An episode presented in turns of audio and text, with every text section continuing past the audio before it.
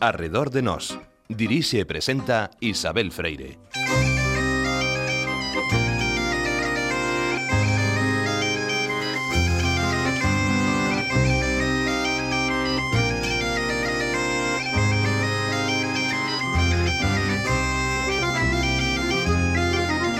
Hoxe, a historia dun home que mediu a terra, José Rodríguez González. Hai esta tradición local que di, en Lalín, de son de Lalín tamén, que di que un metro é un metro grazas a un fulano de Lalín.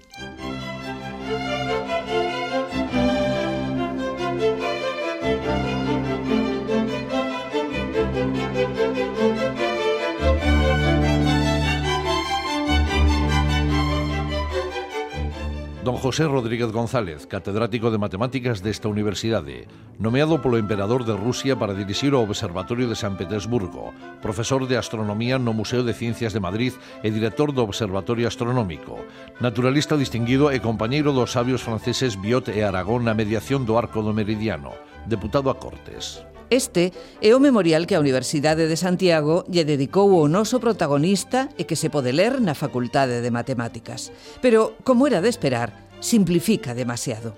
Así viviu a súa vida José Rodríguez González.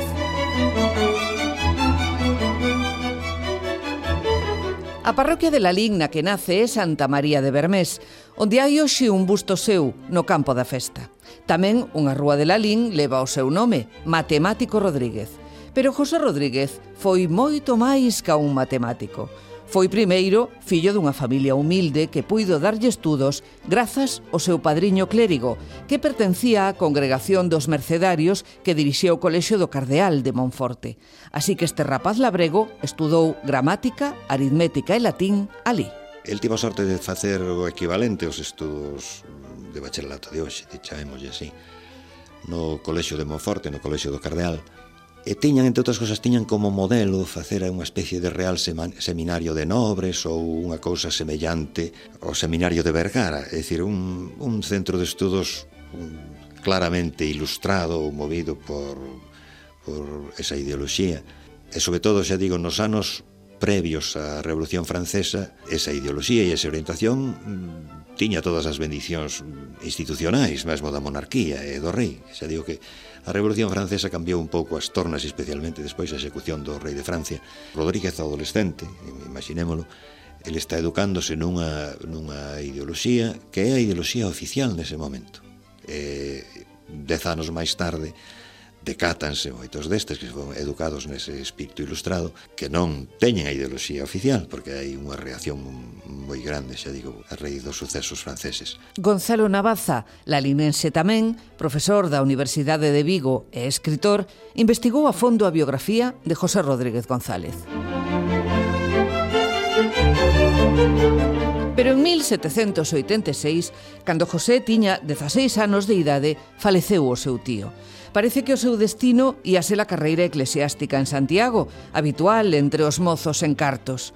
Conta o doutor compostelán Luis Gijirei nunha conferencia que pronunciou en 1917 sobre Rodríguez. Careciendo de recursos, se hospedaba como podía y se alimentaba con sopa que se repartía en algunos conventos. A pobreza que padecía aliviouse cunha bolsa que gañou no Colexio Menor de San Xerome para continuar a carreira de Teoloxía. O seu protector é o, é o seu padriño, Pedro Villar, E, e despois por enfermedade do padriño asumen ese papel outra xente próxima, é dicir, en realidade eu creo que se pode dicir que el estudou grazas a, a, a Sociedade Económica de Amigos del País de Santiago porque o seu principal protector económico, o seu benefactor principal é un dos fundadores da Sociedade Económica de Amigos del País Benito Gil Taboada, será conde de Taboada e logo un dos seus fillos, tamén conde de Taboada, un dos amigos mm, íntimos de, de Rodríguez. El cando chega a Santiago xa ten unha preparación matemática, pois tal vez os profesores que había ali en, en Monforte, eh, había unha boa biblioteca de matemáticas en Monforte cando ele estuda que poden consultar coñecía Estaba máis ou menos o día do que se producía por aí fora e ademais tiña coñecementos de, de historia da matemática tamén, de algúns, por exemplo, hai, hai información dunha excursión que fan desde Monforte a, a Monte de Ramo co seu padriño para ver o mosteiro onde estivera Caramuel, un famoso, un famoso matemático do século XVII, un, un bueno, sí, matemático tamén, vamos, un pensador, filósofo, arquitecto, un tipo curioso. El cando chega a Santiago é un especialista na obra deste señor, por exemplo, é dicir que non era el non era un, un ignorante en matemáticas cando inicia os estudos con Luis Marcelino Pereira. Xa tiña unha tradición, seguramente por afición persoal. Matemáticas. Esa foi a súa elección na universidade. El matricúlase na materia de matemáticas, que era unha especie de optativa mm, un pouco fora dos, dos programas oficiais, con Luis Marcelino Pereira, outro dos, dos fundadores da Real Sociedade Económica de Amigos del País de Santiago, e esta vinculación con Luis Marcelino Pereira coas matemáticas eh, uh, que decir, unha vez que os demais saben que é un que é un estudante moi prometedor nese campo pois dedícanse a apoiálo A pesar de que os seus intereses non pasaban polo sacerdocio, acada o grau de bacharel en filosofía e uns anos despois en teoloxía. El nunca tivo vocación seguramente eh, eclesiástica nin teolóxica e finalmente acaba concluindo a carreira para dispoñer de un título para poder acceder a, a, un, a unha praza fixa de, de profesor de matemáticas. Esa posibilidade chega cando o titular da Cátedra de Matemáticas, o seu profesor Luis Marcelino Pereira, decide abandonar a Universidade de Santiago. A raíz da, da decapitación do rei de Francia, a reacción nos ambientes oficiais españois percibese claramente unha reacción antirrevolucionaria, por chamaría así, porque nun primeiro momento, a raíz da revolución, hai un período de sorpresa onde non se advirten claramente as influencias da Revolución Francesa, é o período máis ben o que se pretende impedir que cheguen aquí os secos, é o que chaman a época do, do, do pánico de Florida Blanca. Pero unha vez que se produce a execución do rei, hai unha reacción moi forte en moitos ambientes, eh, o clero fundamentalmente quen leva aí a iniciativa, Isto provoca que na Universidade de Santiago se empece a ver un clima un pouco tenso, que creo que é o que provoca que marche Luis Marcelino Pereira. Logo este acaba, polas relacións que el ten eh, no seu traballo na sala do crime de Valladolid, acaba vinculándose aos afrancesados. El realmente morre como afrancesado. Unha vez que entra que, decir, no ano 9, unha vez que, que no, no ano 8, que cando entran os franceses en, en España e eh, poñen a, a Xosé I como, como rei, el pasa a ser un, un alto funcionario do, do goberno de Xosé Bonaparte. Mm. E, e morre pouco despois, non chega a, ao final da guerra. O caso é que Pereira marcha e a súa vacante ocupa provisionalmente Cristóbal Pecul.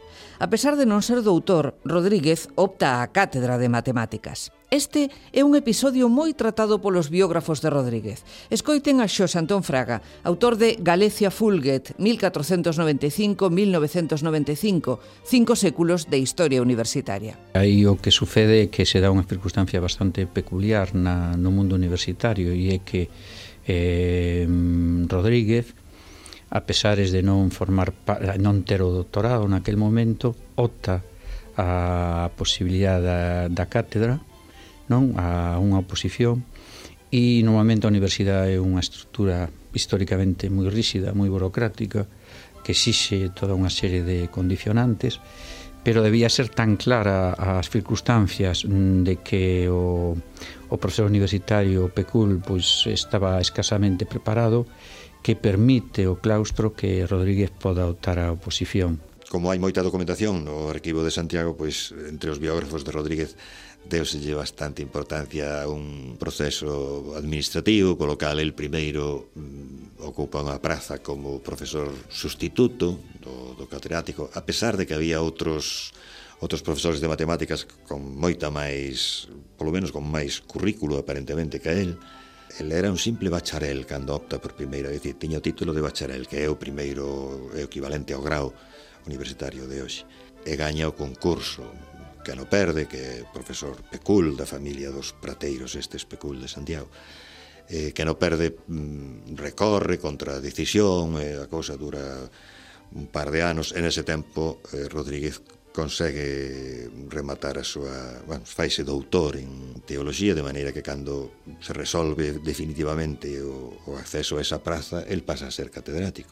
Ademais, bueno, é coñecida a historia porque mm, para evitar parcialidades no tribunal traen un, os membros do xurado son xente de fora eh, o comunicado que emite o xurado é de, de sorpresa dicindo que non só consideran apto para a praza senón que mm, ten máis coñecementos que calquera deles que están ali no, no tribunal eh, bueno, unha loa seguramente merecida, claro. Non sei como din, algo así como eh, un deses xenios que só moi de cando en vez eh, produce a natureza eh, encheno de, de eloxios.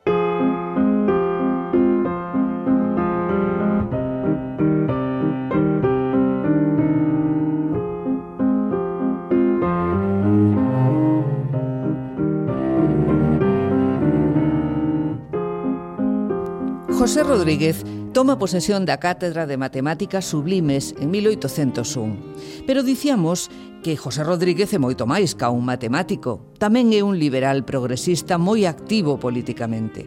O século das luces remata. O rei Carlos IV acaba de poñer a fronte do goberno a Godoy. En Francia, os revolucionarios executan o rei Luís XVI, o que provoca a ruptura de relacións diplomáticas entre ambos os países. España únese a unha coalición internacional e participa na denominada Guerra da Convención, que remata coa derrota española e a perda da parte española da illa de Santo Domingo. Volvese daquela a tradicional alianza con Francia. Principiaba así unha deriva diplomática na que o ascenso ao poder de Napoleón en 1799 e a debilidade do goberno de Godoy levaron a España a unha crecente dependencia da política exterior francesa, e, por tanto, o enfrontamento con Inglaterra. O liberalismo callaba entre os científicos e os estudiantes composteláns que abrazaran o racionalismo científico da ilustración. A xente que se move en Santiago é a xente do primeiro liberalismo compostelán. Os amigos directos son os fillos do Conde de Tauada. Eu creo que ten moita importancia un dos fillos do Conde de Tauada, que logo será Conde de Tauada, eh, Felipe Gil Taboada, é do grupo que obriga a Fernando VII a xurar a Constitución e é o contacto dos liberais galegos na corte. O primeiro, o primeiro amigo que ten Rodríguez, o máis próximo, é outro beneficiado deste, dese mecenado, que é Xulián Suárez, Fre, eh, Suárez Freire, o, o boticario, boticario real en Santiago eh, é o amigo máis próximo, aínda que hai unha diferencia de idade deles de case, non sei, 17 ou 18 anos. Mm, Suárez Freire era un protexido de Pedro Antonio Sánchez, o Coen, o Compostelán. Na casa de Pedro Antonio Sánchez, cando estaba Suárez Freire aquí en Santiago, porque senón estaba estudando en Madrid, eh, vivían tamén Rodríguez, ou polo menos, eu non sei se estaba domiciliado, pero pasa moito tempo nesa casa, e nesa casa vivía tamén Pedro Boado, o afillado do Coengo, que é este outro que entre eles tres hai unha relación prácticamente fraternal de irmáns. O compromiso de José Rodríguez co pensamento liberal levarao a presentarse nas primeiras eleccións acontecidas no período constitucional do reinado de Fernando VII, no chamado trienio liberal entre 1820 e 1823. Pero non adiantemos acontecementos, porque antes temos que contarlle la fabulosa historia da medición do meridiano e a fuxida de Aragó do castelo de Belver. Música coa promesa de que a universidade lle aboaría a metade do soldo e a axuda económica de algúns amigos como o mentado Julián Suárez Freire e o coengo Pedro Antonio Sánchez, José Rodríguez marcha en 1803 a París para ampliar os seus estudos.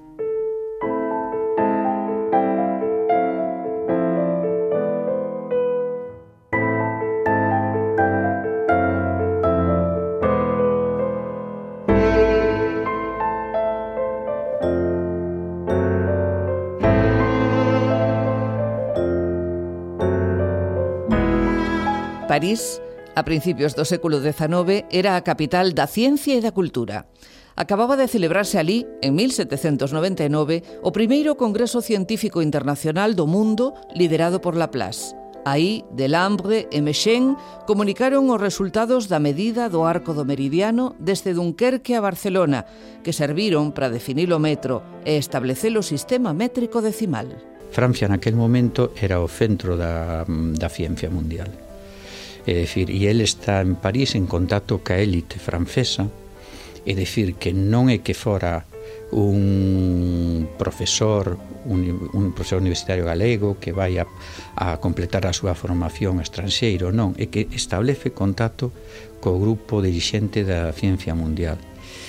E en concreto o labor da medición do meridiano pois era o tipo un dos proxectos punteiros que naquel momento se desenvolvía no mundo. E el participa activamente eh, con científicos do nivel de Biot ou de Aragó.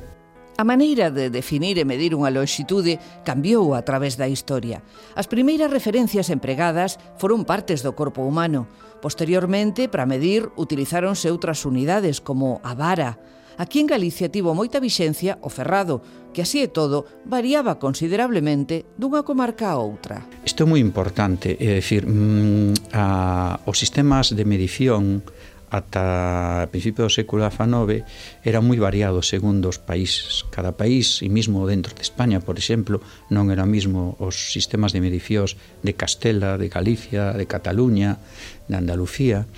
Eh, entonces mm, se buscaba un sistema que fuera uniforme para todo o mundo e que mm, supuña, polo tanto, unha, unha axuda de cara a homoxenizar a, os intercambios. Ten que ver, por suposto, o desenvolvemento económico e, e social, non? O sea, era moito máis doado facer intercambios comerciais entre os países eh, diversos e mesmo dentro dun país se están eh, igualadas as formas de medir, non? Non? pero tamén tiña incluso outro peso máis importante, que era un peso simbólico, non? Eh, esta xente en xeral eran científicos, pero tamén eran persoas moi ligadas ás ideas liberais que naquel momento pretendían superar as diferencias de, de grupos, as diferencias de, de, de, de sociedades e, e estender a idea de unha, de unha situación uniforme, non? E de igualdade de, eh, de, do xénero humano. Entón, todo isto se simboliza nas medicións que se realizan para obter a, con precisión a, a, as características do que é o metro, non comunidade de medida. E de feito neste sentido moi moi sintomático que que Rodríguez é a persona que nun momento determinado adquire en París un, un exemplar deste modelo de metro Eso que cando estudiábamos eh, na clase nos explicaban que era unha barra de platino e iridio, que tal, e, e un exemplar deso o envía á Universidade de Santiago, onde se se conserva. Por iso, o 19 de marzo de 1791, a Academia de Ciencias de París propuxo a adopción dun patrón procedente da natureza, o metro. Se se aceptaba a proposta, o metro sería a desmillonésima parte do cuadrante dun meridiano terrestre. Ante a imposibilidade de medir todo un cuarto de meridiano desde o Polo Norte ou Ecuador, a solución era medir un anaco e calcular matemáticamente o valor do total. O arco de meridiano escollido foi o que pasa por París, o comprendido entre Dunkerque, xunto ao Mar do Norte, e Barcelona, na costa mediterránea de España. Incluir Barcelona internacionalizaría a nova medida, que xa non sería só francesa. O Reino de España, importante no concerto europeo a falta de Inglaterra, participou desde o principio na operación. Así é todo, nin os Estados Unidos, nin Inglaterra aceptarán esa nova unidade de medida. Luís XVI encargou os topógrafos Mechén e Delambre a medición, A técnica que debían empregar era da triangulación xeodésica. Para comprendermos os fundamentos desta empresa, recorremos a un matemático e astrónomo, José Ángel do Cobo, director do Observatorio Ramón María Ayer da Universidade de Santiago. Trátase de ir midindo distancias pouco a pouco a base de ir resolvendo triángulos. Non? Sabemos que un triángulo que é definido por tres lados de tres ángulos, se si non somos quen de medir unha, unha distancia un lado dese triángulo e dous direccións, dous ángulos, pois entón o triángulo queda resolto. Non? E, por tanto, deste xeito podemos medir a distancia a cal se atopa un punto que está suficientemente lonxano de nós ou que é moito, moi complicado pois, tratar de medir a distancia a él, non? por a razón que sexa. Non? Entón, así é como se midían distancias, verdad? Ata hace pouco tempo, eh? Despois de longos cálculos, decidiuse que o metro mediría tres pés de rei, 11 liñas e 296 milésimas dunha liña. Unha lei da República Francesa de 10 de decembro de 1799, asinada polo primeiro cónsul Napoleón Bonaparte, establecía o metro para sempre co lema para todos os povos e para todos os tempos. Así nace o metro e o sistema métrico decimal.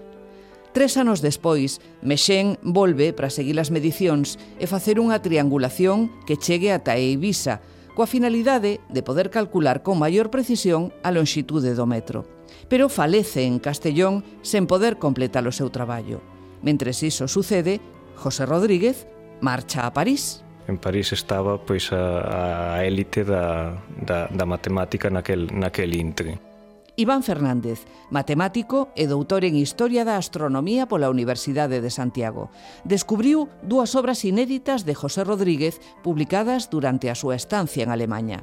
Da súa primeira estadía en Francia eh, non se coñecen moitos datos, pero si se sabe que estuvo asistindo a cursos no, nunha institución chamado Colexio de Francia, que era unha institución onde se daban conferencias abertas ao público en xeral por parte dos, dos mellores especialistas eh, de ciencias do, do país principalmente vinculados á Academia de Ciencias de París. Entón, eh, nesa estadía, el adquiriu pois, os mm, coñecementos matemáticos máis modernos da época e, e asimilounos perfectamente dándose a casualidade de que cando finalizaba a súa estadía en París foi cando eh, se comeza coa medición do arco de meridiano de Dunkerque a Barcelona e eh, coñecida a amizade cos especialistas franceses que iban realizar esa misión, pois el é comisionado polo goberno español para participar nesa medición e onde el pon en práctica todos os coñecementos teóricos adquiridos en eses anos previos en París. O falecemento de Mexén mentres traballaba en España obriga a buscar sustitutos para continuar as medicións ata as Baleares.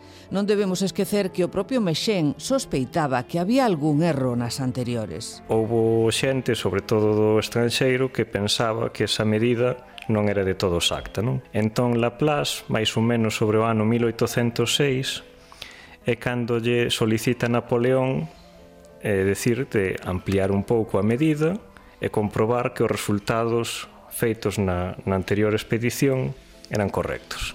Efectivamente, é cando eh, Napoleón dá orde de que, que se faga esa expedición, que é a que participa Rodríguez, ampliando o arco de meridiano de Barcelona tamén as costas de Levante e das Baleares e despois de sobre dous anos de traballo máis ou menos, pois víronse que as conclusións que concordaban perfectamente co, coa, coas anteriores resultados, é dicir, o, a lonxitude do metro pois apenas variou.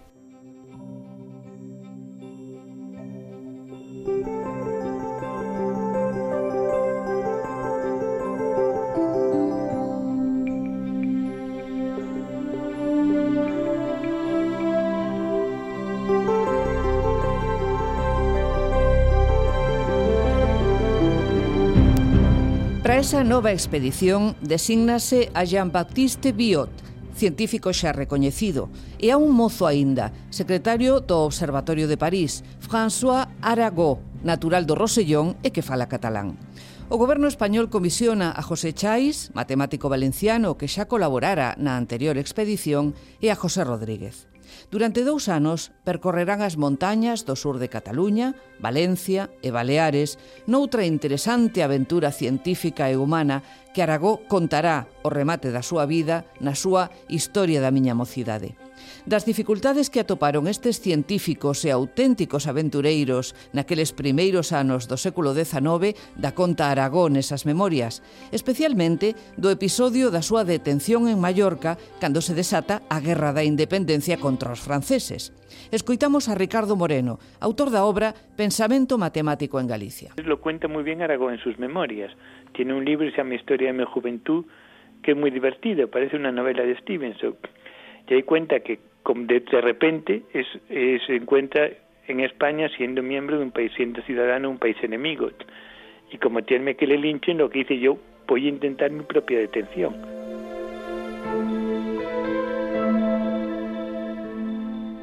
Aragó va a la cárcel y una multitud le reconoce y quiere perseguirle y lincharle. Entonces tuvo que ir corriendo a la cárcel. Se supone, yo creo que la única persona que va corriendo a la cárcel, lo normal se corre para escapar de la cárcel, ¿no? Y luego Rodríguez se ocupa de él, le lleva a la prensa, un poco dejar pasar que se calmen las aguas. Y resulta que en, la prensa ve Aragón la noticia de su propio ahorcamiento. Dice, bueno, tuve la, el consuelo de que mi eh, de que el periodista dijo que supe morir con mucha entereza algo es algo, pero dijo, después de la noticia del acontecimiento va a venir el acontecimiento. Entonces prepararon la huida y pudo el gobernador soltó a Aragó en un momento de discreción sin darse por enterado los preparativos de Rodríguez y Aragó pudo llegar hasta Argel. Y hay que pensar que los grandes descubrimientos de Aragó se hicieron después. O sea que ahí la, de, la ciencia sí que tiene una deuda muy importante con Rodríguez.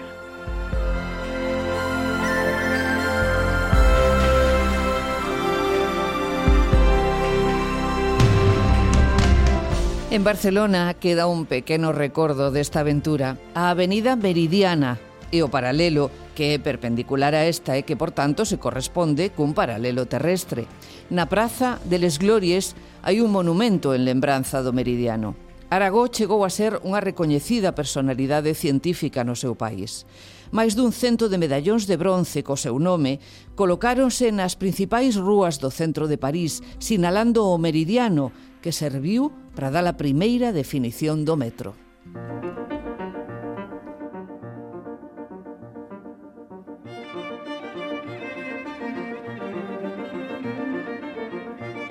En 1808, ao se suspenderen os traballos xeodésicos, José Rodríguez é destinado pola Suprema Xunta Central a Cádiz para que redacte todas as observacións, medidas e cálculos daquel interesante traballo e prepare a elaboración dun mapa exacto de España.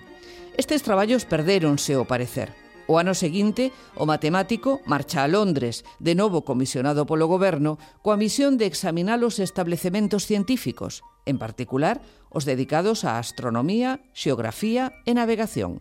En Londres coñece científicos británicos e a colonia española establecida ali un dos principais voceiros desa colonia dos exiliados españois en, en Londres, que é el español de José María Blanco White, dedicalle un, un dos números del español, dedicalle un capítulo longo aos traballos de Rodríguez como, como astrónomo, é dicir, era un astrónomo reputado. El Español era o xornal do escritor e xornalista Blanco White, o sevillano José María Blanco Crespo, autor de Cartas desde España, unha obra especialmente crítica co atraso e a intolerancia en España.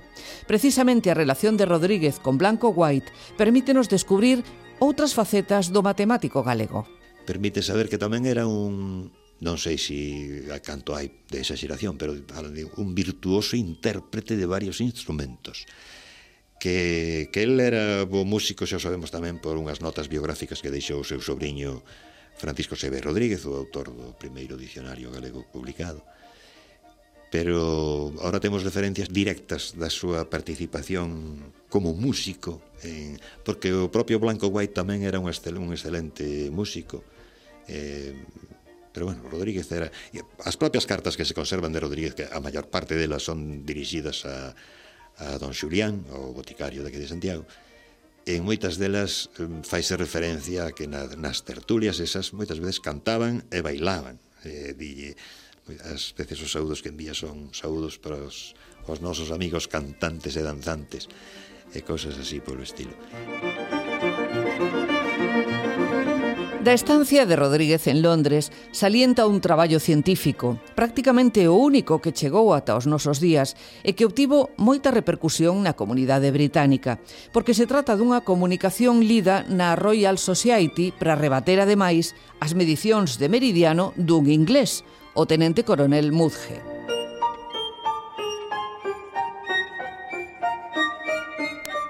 Newton predecía na súa teoría da gravitación que por mor da rotación da Terra sobre si sí mesma necesariamente tiña que estar achatada polos polos. Para comprobalo, a principios do século XVIII partiran dúas expedicións moi importantes, unha a Laponia e outra ao Perú. A principios do século XVIII eh, foi cando o, os franceses mediron a porción de arco de meridiano do, do seu país, non? Unha expedición que estaba liderada por por un astrónomo eh, chamado Jacques Cassini. Entonces, eh, nesa expedición cometéronse varios erros, dando como resultado eh, que a Terra non estaría achatada polos polos, sino polo Ecuador. Non? Entón, esa é unha razón pola que máis tarde se fixeron esas dúas expedicións a Perú e a Laponia, non só para corroborar a teoría de Newton, senón tamén para determinar que erro houbo na, na expedición anterior. Non? Entón, unha vez que se realizaron as dúas expedicións, pois eh, as dúas coincidían cos resultados de Newton, a Terra efectivamente estaba quedaba zanxado o tema de que a Terra estaba achatada nos polos, e hai unha hai unha frase moi curiosa do filósofo Voltaire eh, que dixo que a expedición a Perú aplastou os polos e aplastou tamén a Cassini. O tenente coronel Mudge, membro da Royal Society, mide unha sección do arco meridional que pasa por Yorkshire.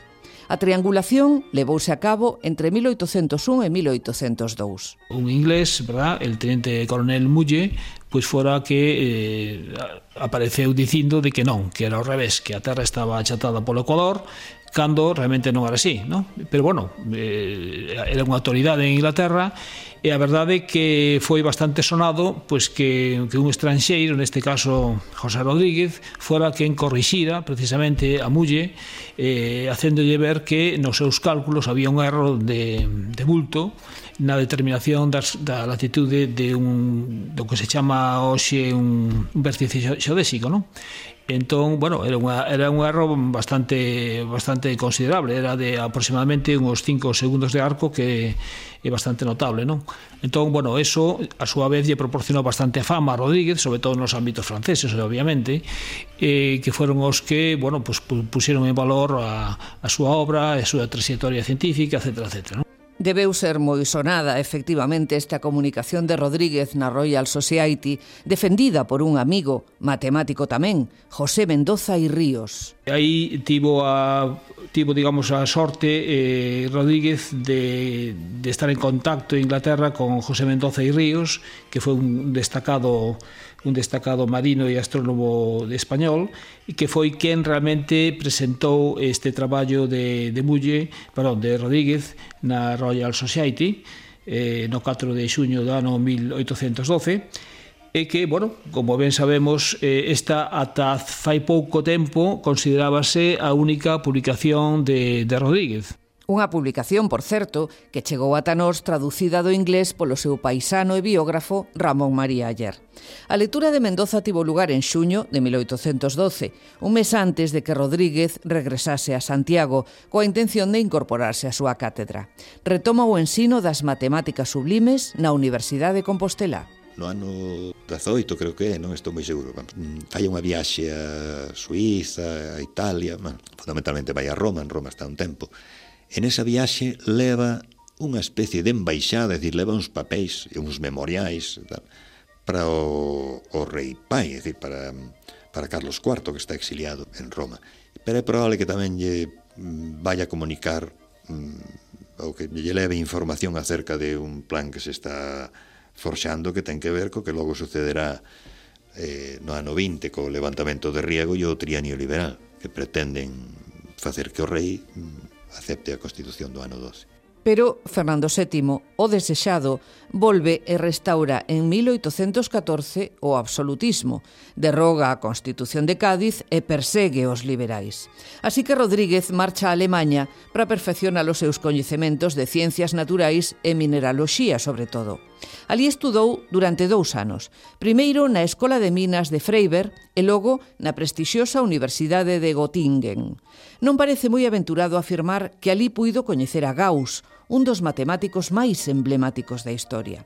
Esta é a teoría de Iván Fernández, que estudou especialmente a estancia de Rodríguez en Alemanha. Na súa estadía en Alemanha, decir que o goberno comisionou para estudiar basicamente pois eh cuestións de mineraloxía, e xeoloxía, pero curiosamente nun dos establecementos aos que visitou Rodríguez pois foi a Universidade de Gotinga, onde hai un coñecido observatorio astronómico cuxo director era pois nada máis ni nada menos que que Gauss, senón o máis notable matemático, pois un, un dos máis eh, emblemáticos na da historia, non? Entón, pois é curioso, pois revisando pois nestos eh, repositorios que hai polas redes, non? pois atopamos unha publicación eh, en alemán feita por el con temática xeodésica. Entón, pois, bueno, chamounos bastante a atención, porque que facía Rodríguez escribindo un artículo en alemán en 1817, estando en Alemania, cando o seu cometido era outro. Pois, bueno, a verdade é que é difícil saber mm, por que o fixo, pero, bueno, unha das hipótesis é que coñecer a Gauss e que Gauss pois, lle, lle suxerise pois, escribir un pequeno artigo sobre como veía el a, a xeodesia na, naquel momento.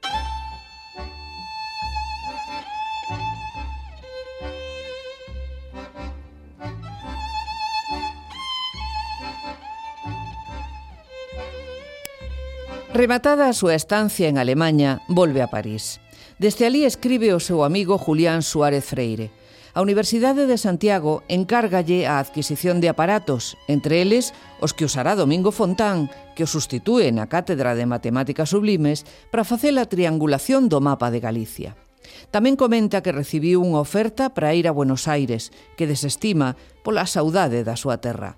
En París entra en contacto co abate EI, o fundador da cristalografía, quen en proba da súa amizade lle regalou unha colección de 1024 modelos cristalográficos que reproducen as formas regulares correspondentes ás variedades cristalinas de cada especie mineral. Esta colección recibiuna o seu testamenteiro, Julián Suárez Freire, en 1848, 24 anos despois do falecemento de Rodríguez, e posteriormente foi mercada pola Universidade de Santiago por 4.000 reais. Deste xeito, empezou a formarse o Gabinete de Historia Natural. Hoxe, esta colección é un dos tesouros da Universidade de Santiago, porque só hai dúas coleccións así no mundo. Unha está en París e a outra no Museo de Historia Natural da Universidade de Santiago sempre se lembrou de a Universidade Galega, non? Sempre se lembrou no sentido de que sempre eh, tratou de traer para aquí cousas importantes que el vía fora, eh, tratados, publicacións, instrumentación, non que esquecer que moita da instrumentación coa que traballou logo o seu discípulo Fontán eh, atruxo el de fora, incluso eh, bueno, mm, cousas para os laboratorios de farmacia, incluso de, de medicina, non? De verdade que en ese sentido eh, non pode darse a imaxe de, de Rodríguez como persoa egoísta, sino que sempre foi unha persoa moi solidaria co, co Universidade de, de Santiago. Durante a súa estancia en París, Rodríguez recibe interesantes ofertas de traballo. Dar leccións de astronomía no Ateneo de Ciencias de París ou dirixir o depósito xeográfico de Rusia do propio zar Alexandre de Rusia. O que fai José Rodríguez é comunicar estas propostas ao goberno español. O resultado é o seu nomeamento como profesor de astronomía no Museo de Ciencias de Madrid. Recibe asimismo o encargo de organizar o Observatorio Astronómico como director. A súa cátedra pasa a ser ocupada, xa dun modo definitivo, por Domingo Fontán. Consérvase unha carta do ano 19 o pouco de chegar el de París para aceptar o cargo de director do Observatorio Astronómico de Madrid, onde lle comenta a don Xulián, que está aquí en Santiago, que está moi satisfeito dos, dos galegos que atopou ali nos, en los madriles del rei, como dixen, xente que vale, xente ben capacitada, que poden axudar a desterrar esa idea negativa que se ten de Galicia e dos galegos, porque mm, eses persuizos negativos acerca de Galicia e dos galegos están moi presentes en toda en toda, bueno, basta ler o prólogo de Cantares Gallegos para ver que boa parte do resurgimento galego é fundamentalmente unha reacción contra esa mentalidade discriminatoria, máis que máis que un movimento de afirmación do propio, é un movimento de reacción contra ese tipo de tópicos e de presuizos. Bueno, pois Rodríguez unha das cartas comenta mm, que vayan sabendo dunha vez estes mamelucos iberianos, chamalle os, os non galegos, Ten algo que ver con unha actitude que ven de Sarmiento, seguramente, máis humorística que outra cousa, pero tamén ten, ten contido ideolóxico realmente. A política española pide paso neste relato. Non esquezamos que Rodríguez foi un apaixonado liberal. O día de Ano Novo de 1820, o tenente coronel Rafael Riego sublévase e empeza así o chamado trienio liberal. José Rodríguez xa elixido deputado por Galicia durante a primeira legislatura. Deixamos por un momento a José Rodríguez feliz porque un novo tempo se albisca para España para preguntarnos como sería físicamente este home tan especial. El parecía máis novo do que era. Non sei se mesmo ese o único retrato que conservamos, que non é directo, que é o que se conserva na, no Paraninfo da, da Universidade de, San, de Santiago, que a súa vez está feito sobre un modelo de un Víctor que tiña el nos corredores da universidade, de maneira que ese Víctor posiblemente foi feito en vida del, e, e tal vez tomado do natural, quer decir que o retrato sería fiel, un home novo aparece aí no retrato, el tiña 54 anos cando morreu, pois ese retrato eh, parece que é un tipo de, de 30, tal vez.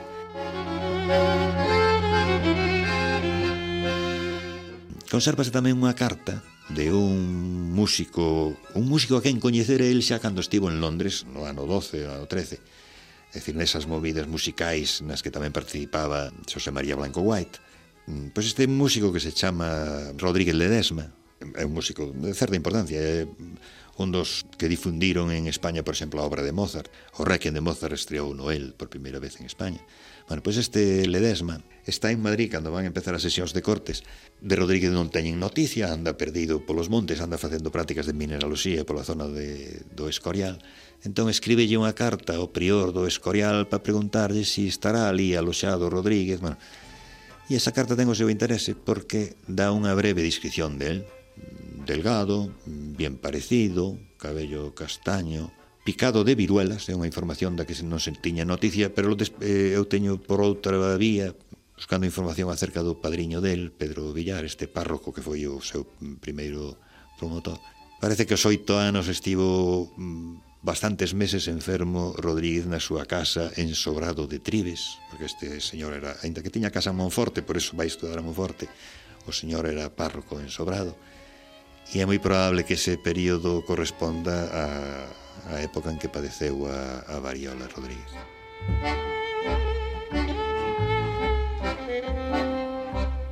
O deputado Rodríguez formou parte de varias comisións no Congreso, Mariña, Pesos e Medidas, Fomento e Minería.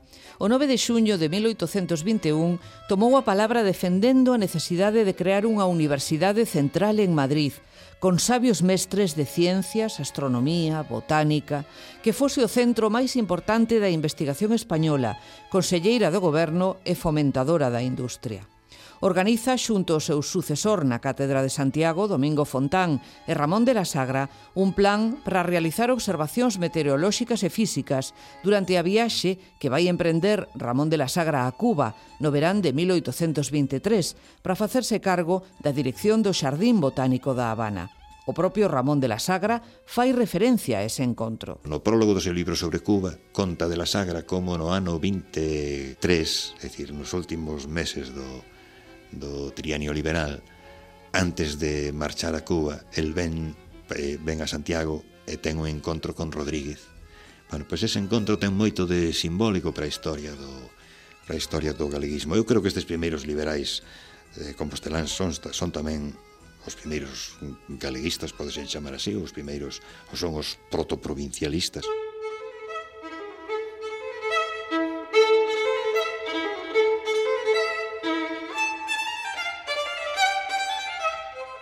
Pero as tornas políticas volven cambiar a xiña. Coa recuperación do poder absoluto por Fernando VII no outono de 1823, iníciase a década ominosa e empezan as represalias e as depuracións de liberais. O Domingo Fontán tivo problemas, Ramón de la Sagra tuvo que fuxir para Cuba, José Alonso López eh, eh, tamén acabou eh, próximo á época de, de Rodríguez dunha maneira similar, E é unha situación realmente lamentable porque era un era unha xeración con gran con un gran unha grande formación e procesión. Domingo Fontán é expulsado da súa cátedra e José Rodríguez foxe a Portugal. Gonzalo Navaza, a partir das súas investigacións sobre a vida de Rodríguez, ten unha teoría distinta sobre as razóns desta viaxe, que será a derradeira do noso protagonista. Filgueira Valverde, despois de publicar a súa biografía, non sei mm, por que medios conseguiu novo material acerca de Rodríguez, que hoxe en día está depositado no Museo de Pontevedra. Eh, son, entre eles son unhas notas necrolóxicas do sobrinho e, e entre outras cousas, unha axenda do propio Rodríguez, unha especie de libretiña de notas desta última viaxe de Rodríguez. Esa non era coñecida nos biógrafos, eh, nin siquiera Filguera Valverde fala dela na súa biografía, é dicir, que debeu conseguila máis tarde. E aí hai información de certo interés, entre outras cousas, permite saber a que foi Rodríguez a, a Portugal no ano 24, e, e volve aos poucos meses completamente deprimido e man, prácticamente volve para morrer.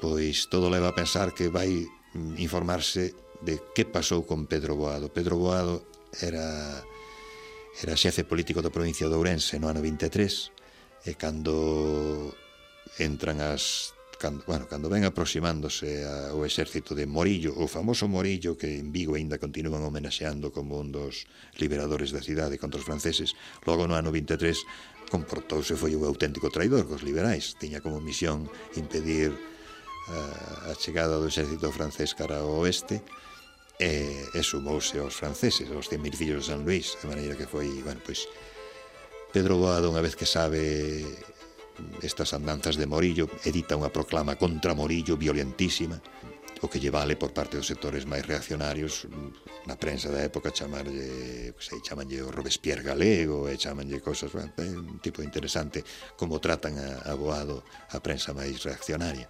Bueno, pois, a pesar de que a información que se tiña era que unha vez que entran os franceses en Ourense, que o levan preso tamén, sabemos que el non, non espera en Ourense a chegada dos franceses. Marcha a Portugal, e en Portugal, isto sabíase, morre no incendio dun barco, non se sabía moi ben se si morre eh, nun barco que o traía de regreso despois da década ominosa, é dicir, no ano 33, pois non, é o principio de todo, no, ano, no propio ano 23, e el non pretende fuxir ao exilio, como se pensaba seguramente, pretende ir a Cádiz a, xunta, a xuntarse cos últimos resistentes de, de, de, de Trocadero, os últimos liberais que están que están en Cádiz e el probablemente leva fontes de financiación, leva moitos cartos e o, o vapor lusitano, que é o barco que o leva de, do Porto a Lisboa, incendiase e morre aí boado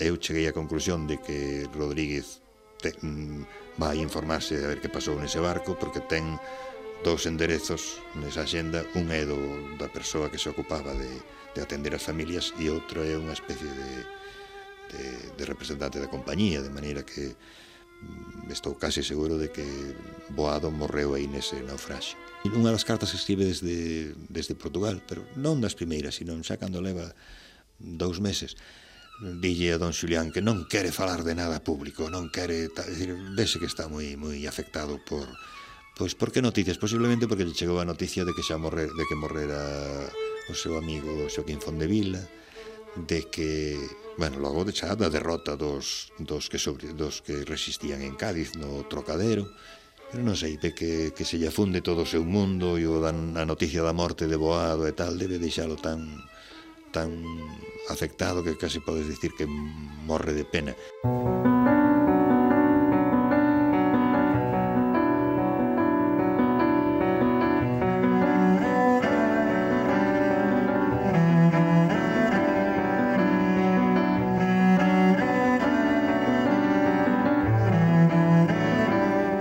O 30 de setembro de 1824 morre en Santiago.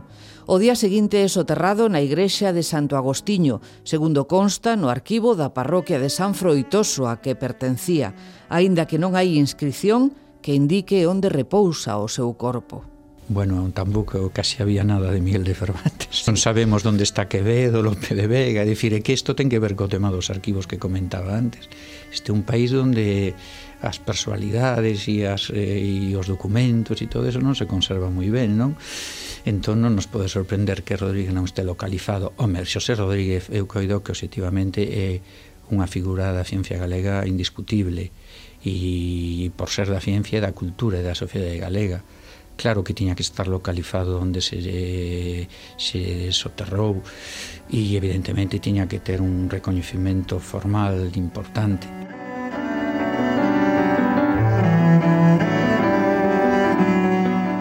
que a sociedade recoñeza o que fixo e lle dea valor, non? E que sobre todo a xente nova eh, sinta que hubo un galego que que soubo de que iban as cousas a principio do século XIX, que soubo estar onde estaba a vanguardia científica e que sobre todo eso non o convertiu en coñecemento propio soio, sino que sempre tivo clarísimo que ele era un, un enviado de Galicia, un enviado do país, dun país pobre, que no centro do mundo da ciencia tiña a misión de informarse e, e trasladarnos eh, a esa información e de asesorarnos para que saíramos, como decía él, eh, e o explicaba moi ben, das tinieblas e avanzáramos cara ás luces.